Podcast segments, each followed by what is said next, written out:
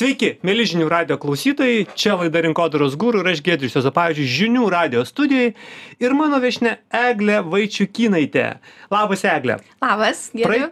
Praeitą savaitę su Eglė, kuri dirba Kauno technologijos universitete, ekonomikos ir vadybos fakultete, skaitmeninių transformacijų centre, neuromarketingo ir dirbtinio intelekto laboratorijoje, yra neuromarketingo ekspertė, mokslininkė ir tyrėja, kas čia naujo vyksta mūsų galvose, smegenyse ir kaip tai integruojasi su dirbtiniu intelektu. Mes praeitą savaitę kalbėjom apie būtent dirbtinio intelekto ir, neuroma, ir neuromarketingo integracijas ir pokalbį šiandien tęsime toliau. Tai Eglė, aš galbūt tiesiog tik priminsiu tiem, kas e, mūsų praeitą savaitę negirdėjo, kad papasakoti visko mes jums čia per kelias minutės nepapasakosim. Eikite į žinių radio archyvą ir ten susirasite praeitą savaitės laidą tikrai labai rekomenduoju ją pasiklausyti, jeigu šitos temos jūs domina. Bet e, mes pokalbį pabaigiam būtent apie įvesties žodžius ir apie įvestį. Tai uh, vėlgi įvesties žodžiai. Tai kaip tu suformuoji užduotį arba klausimą dirbtiniu intelektui. Kokios tendencijos yra čia ir kas čia yra svarbiausia, nes turbūt, na, nuo to, kaip ta užduotis yra suformuojama, priklauso tą rezultatą, kokį tu gausi. Tikrai taip. Ir gali būti tikslas gauti, sužinoti apie tą patį dramblį, bet mes galim privesti skirtingų vesties žodžių rašytojų, kad mes labai skirtingus ir vaizdelius, ir aprašus galim gauti.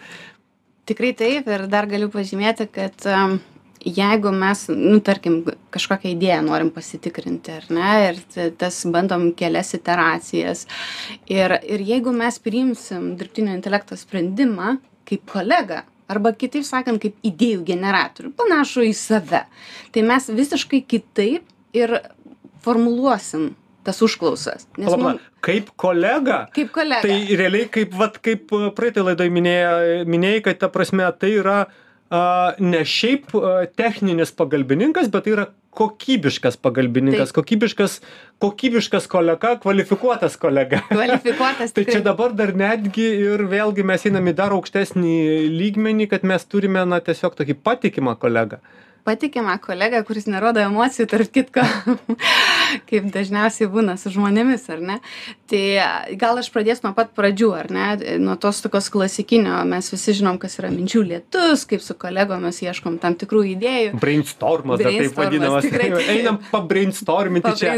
Valdybos ir vadovai labai mėgsta tą žodį ir aš tarp kitko grįžtant prie šito dar pasakysiu tokį irgi įdomų iš praktikos kai esu paklausus ar kas va po to breinstormo iš tikrųjų išėjo su gera idėja tai žinokit iš vadovų auditorijos negaunu atsakymo. Tai visgi tie moksliniai tyrimai kurie rodo kad jeigu prieš einant į breinstormą pats padarai namų darbus savo idėją visais pjūviais patikrini šiuo atveju vat labai geras yra būdas panaudoti dirbtinio intelekto sprendimą kartu patikrinti kelias iteracijas kai ir tada pasiruošęs kai ateini į tą breinstormingą arba minčių lietaus ar ne tada išeini su daug geresniu rezultatu. Bet tai egle iš principo dabar paėmei ir apvertei aukštyn kojom visą suvokimą kas yra breinstormas mokslas, e, žinot, nestovi vietoje. Nes marketingistai irgi labai mėgsta eiti pabrainstorminti, kūrybininkai eina pabrainstorminti, strategai eina pabrainstorminti, labai trumpai, greitai sėdam prie stalo, prie taip. kavutės ar kokioje geroje aplinkoje ir pasišaudom idėjom. Tai taip išeina, kad prieš einant šaudyti su tom idėjom reikia jau ateiti su savo idėjom, tai vadinasi, ten yra, na, tas brainstormas tai tiesiog dalybos kokybiškų idėjų bet jau nebe šaudymas tų idėjų. Tikrai taip tikrai taip dėl to kad jau yra tam tikri dalykai patikrinti. Ir juo labiau jeigu yra panaudojus dirbtinio intelekto sprendimą. Tai aš tarp kitko šitoj srityje labai mm, domiuosi be galo man įdomi nes aš manau kad va čia yra didžiausias yra potencialas kas liečia išnaudoti dirbtinį intelektą kuriant naujus produktus ir paslaugas dėl to kad tai tau leidžia sugalvoti dar kitas idėjas ir po to jas tikrinti. Tai va šitoj vietoje aš sakyčiau labai svarbu iš, uh, pasitelkti ir išnaudoti, o tada jau, kai jau turim kažkokią apčiuopiamą, ar ne, ar ten prototipą, vėlgi, jeigu kalbam apie maisto produktus, ar ten grožio prekes, turim tam tikras pakuotės, jas lygiai taip pat galim brainstorminti, ar ne, kokios tos idėjos galėtų būti. Ir galiausiai čia atsiranda neuromarketingas. Vėl mes galim jau pasitelkti įvairius įrankius ir išmatuoti tą paveikumą. ir nesvarbu kas tai bebūtų ar tai būtų kažkokia tai pakuotė ar tai mes kalbam apie skaitmeninį turinį ir panašiai nors jau dabar mm, daugėja tų sprendimų, tarsi visus žingsnius galima optimizuoti, kalbant apie skaitmeninę erdvę, ar ne? Bet reikia nepažinti, nepamiršti, kad mes dar esame ir fizinėje erdvėje, ar ne? Tai ir tų sprendimų vis tiek dar negalim visų optimizuoti. Vis tiek reikia a, tam tikrų tyrimų, nes a, žmogus yra apribotas, nu, mes negalim atsakyti apie visus aspektus. Kaip pavyzdys, aš dabar dirbu su šitais lipdukais ant grindų, ar ne, kuris irgi galima sakyti kaip ir pasiekmė kad mūsų žvilgsnis žemėja, galim daryti tokią prielaidą. Apie reklamą ant grindų mes. Taip, apie reklamą ant grindų. Ir, ir tada tarsi visi darom, vieni kitus kopijuojam, vieniem geriau gal sekasi, kitiem, o kaip iš tikrųjų yra, ar kas nors pastebi ją, ar tik tai, kaip pasakyti, mes išnaudojam kaip dar vieną kanalą pasižiūrim aha veikia tai sekantį kartą darom tada konkurentai pasižiūri o mūsų konkurentai turi gal ir mes pradedam daryti. Bet e, pas marketingistus dažniausiai naudojant tam tikrą nu kai tu turi kompaniją tu turi aiškiai apsibrėžęs jeigu turi aiškiai apsibrėžęs tikslinę auditoriją į kurią kuriai tu nori nunešti savo žinutę tai pagal tai tada jau dėliojasi ir dar vienas ten e, tų pi elementų tai tai yra m būtent medija miksas tai yra kanalai per kuriuos tu turėtum tą auditoriją auditoriją pasiekt. Tai jeigu tavo auditorija dažnai perkasi prekybos centruose tai logiškai kad jie na e, yra toje teritorijoje kur ta reklama turėtų būti bet kaip taisyklė na labai retu atveju arba labai nedidelei kompanijai yra naudojamas tiktai vienas arba du komunikaciniai kanalai nešėjai tie tos žinutės. Paprastai imamas miksas. Tai būna ir televizija ir skaitmeninė ir neskaitmeninė erdvė ir fizinė erdvė tos pačios parduotuvės ir gali būti ir ir vėl tas į pa pajungtas ir influencerių marketingas ir ir dar kažkas. Tai nu tai ten tada jau įsijungia kūrybos priklausomai nuo to kokį tu biudžetą turi.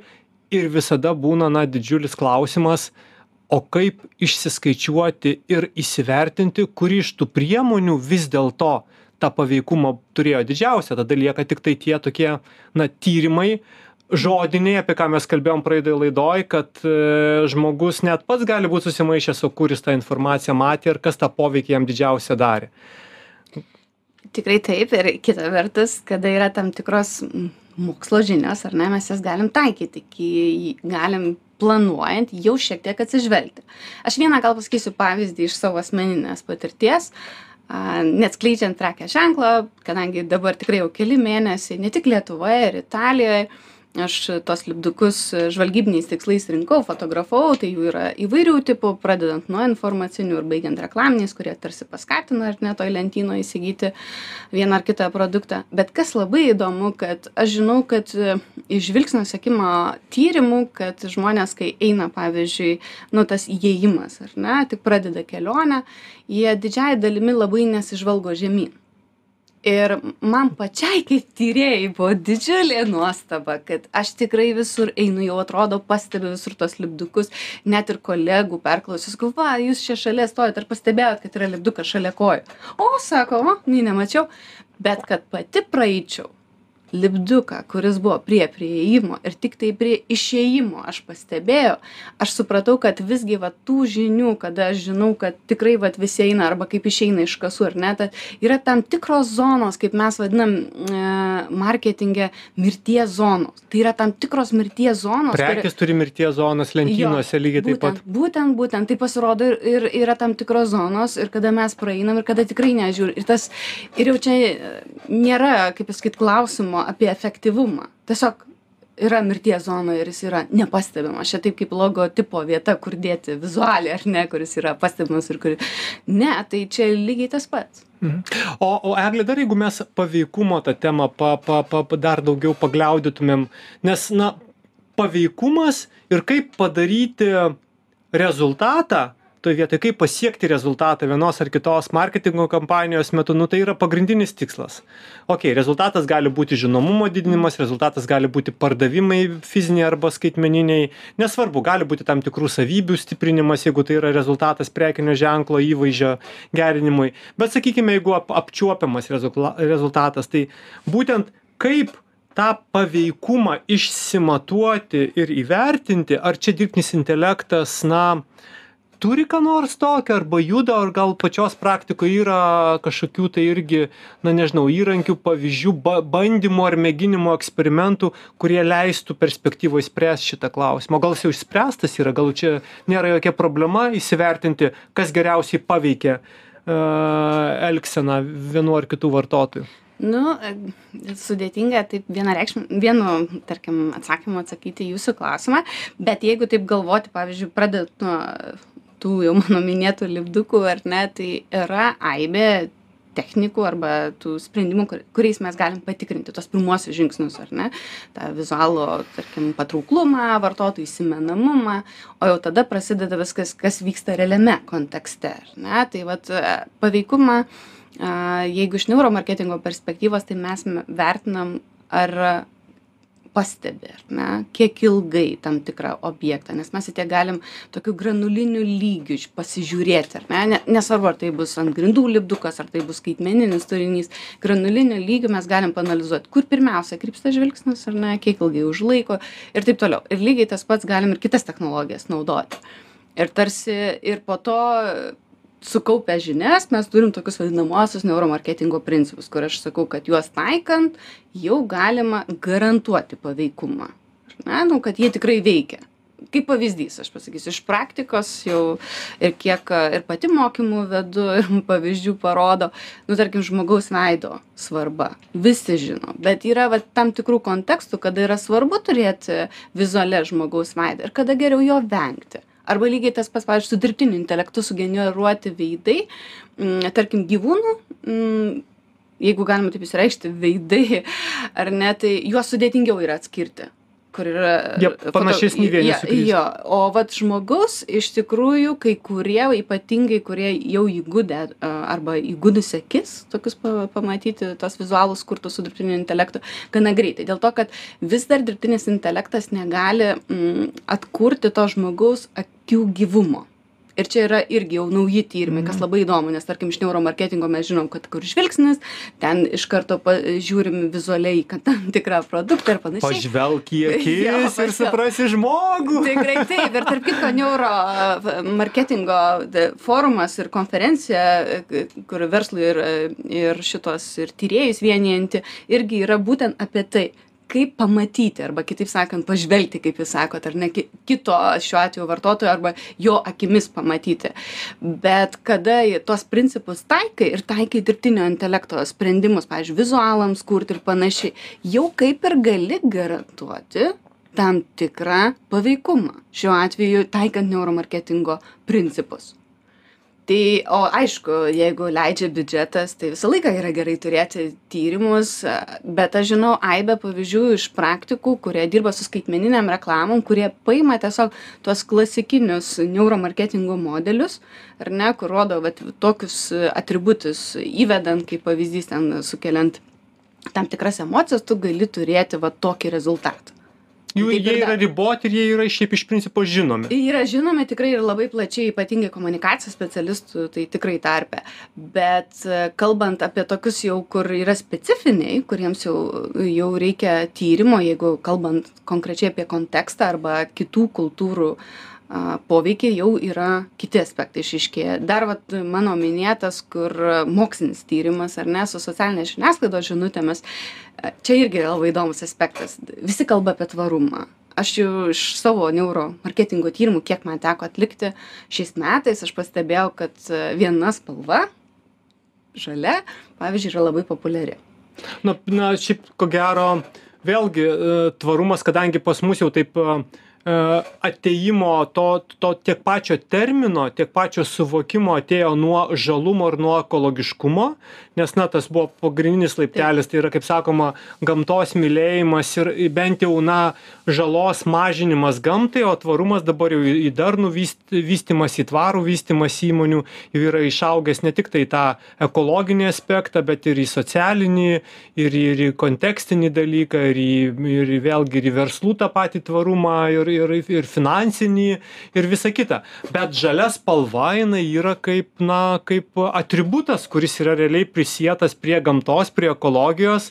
Ir ko gero, jeigu žiūrėtumėm lietuviškus pavyzdžius, tai irgi tokie ryškiausi apie tvarumą kalbantys prekiniai ženklai arba apie ekologiją kalbantys prekiniai ženklai jie tą žalią spalvą labiausiai eksploatuoja o ką rodo tyrimai Tai iš tyrimo tas ir yra įdomu, kad yra, aš taip vadinu, tai yra spalvų mados, ar ne? Tai kalbant apie pakuotės, tai žalia spalva tikrai šiuo metu yra tokia jau madinga spalva, bet lygiai taip pat, pavyzdžiui, skirtingose srityse, aš, pavyzdžiui, tyrimus daugiausia atlieku, tai maisto sektoriui, bet jeigu kalbant apie kitus sektorius, tarkim, grožio prekės ar ne, arba tos m, prekės, kurias galim rasti tokios tarpinės ar ne, tokios sveikatinimo ar ne, lygiai taip pat man dalinasi verslo žmonės, kad jo veikia iš tikrųjų šitą spalva padeda parduoti, ar ne, ten tuos produktus.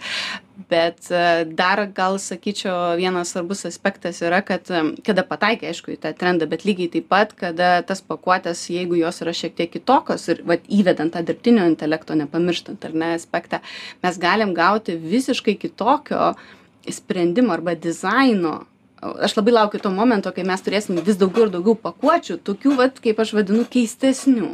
Ne, nes sukurtų dirbtinio intelekto tikrai taip, nes e, bent jau kiek man teko matyti tokių prototipų, kur yra kuriami, tai, nu, įspūdingai atrodo, iš tikrųjų. Bet dabar galbūt įprasti. bent jau lietuviški prekiniai ženklai tai daugiau į komunikaciją yra investavę. Mes ten esam turėję ir, ir vizualų sukurtų būtent su konkrečiu prekiniu ženklu ir su būtent dirbtiniu intelektu tokie irgi ir, ir, ir, ir futuristiniai, ir tokie labai na, toli nunešantys ir labai kažkokie asociatyvūs, kiti tikrai jau yra pakankamai nemažai tų, tų darbų bet e, bet jie yra turbūt na tam lygmeny ne pačio prekinio ženklo ir ir produkto kūrimo o būtent komunikacijos kūrimo lygy Nu, taip, ir kuo jų labiau daugės, tuo mes norėsim dar kažko naujo, ar ne?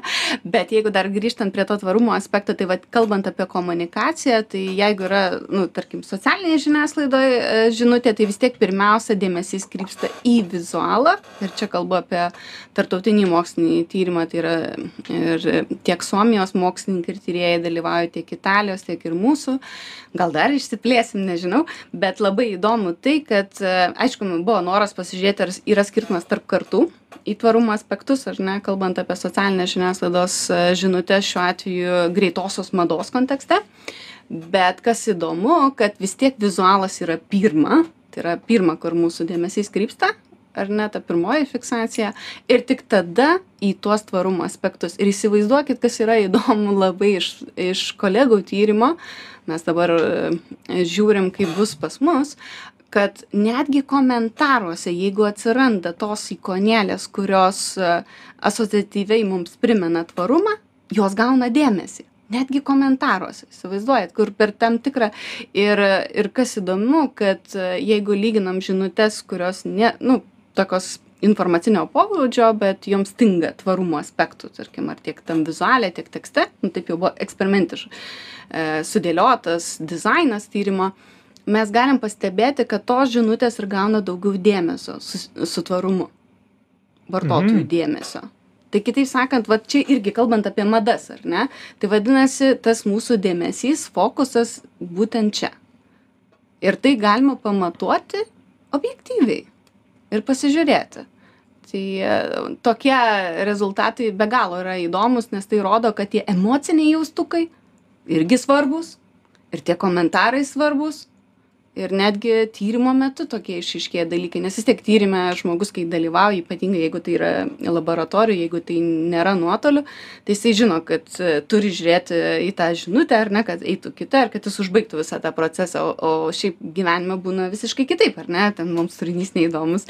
Ir bet tada turinio vienetų mes gauname kaip vartotojai labai daug mes jo suvartojam ten beprotiškai daug ir realiai ten visi kovoja dėl tos vienos dviejų sekundžių kada tu skrolini ten per savo fydą ar tu pagausi ar ta žinutė tave įtrauks privers bent jau susistabdyt tavo dėmesį ar tu tiesiog pra praliksi užmaršty lauke? Taikliai pasakyti ir dar galiu pridėti iš savo tyrimo tokį atsiliepimus, kurie dalyvauja, jie sako, "O, egle kaip ilgai šešios sekundės žiūrėt vieną vizualą ir jau netgi mes gaunam iš tų kurie nu tarkim iš nes aš vis tiek daugiausia su socialine žiniasklaida kas liečia visus tuos tyrimus tai atlieku moksliniais tikslais tai ne paslaptis tai netgi ir šičia tyrimo dalyviai jau sako jau per ilgu Šešios sekundės. Jau yra per ilgu. Tai pavyzdžiui, dabar e, tyrimų tokia grupė, jeigu kalbam apie statišką vizualą, tai maždaug 4 sekundės yra. Ir tai jau yra per daug, dėl to, kad bet kadangi... Gyvenime taip nebūna. nebūna, tai aš tą ir noriu pasakyti, čia kaip auksinė žuvelė, kai sako, reikia kelių sekundžių. Taip ir yra.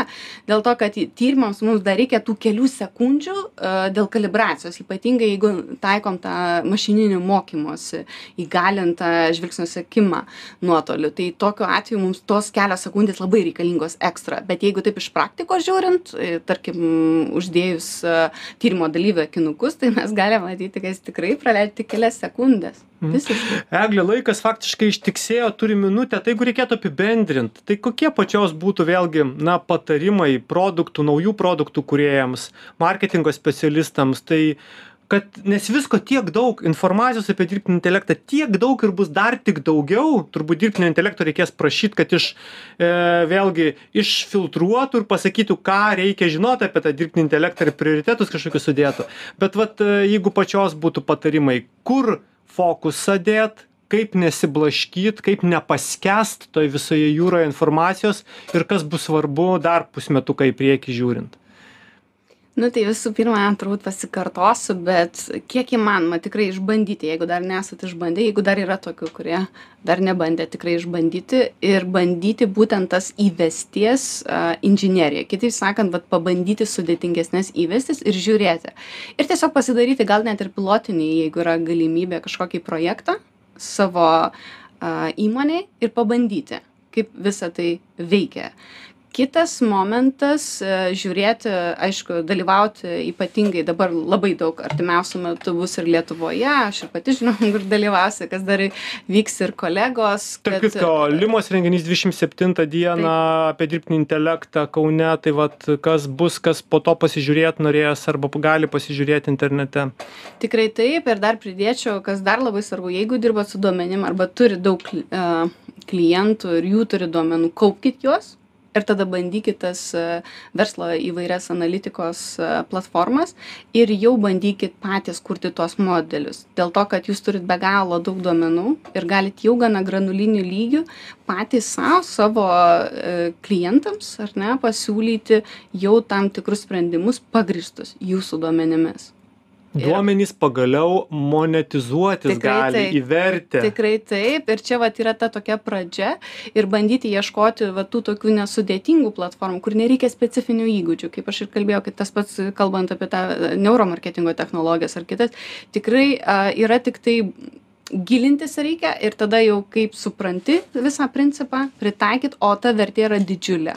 Ir dar aš galėčiau sakyti kadangi receptus labai sudėtinga dalinti bet kad kiekvieną dieną bent trupučiuką kažką padaryti su tuo dirbtinio intelekto sprendimu.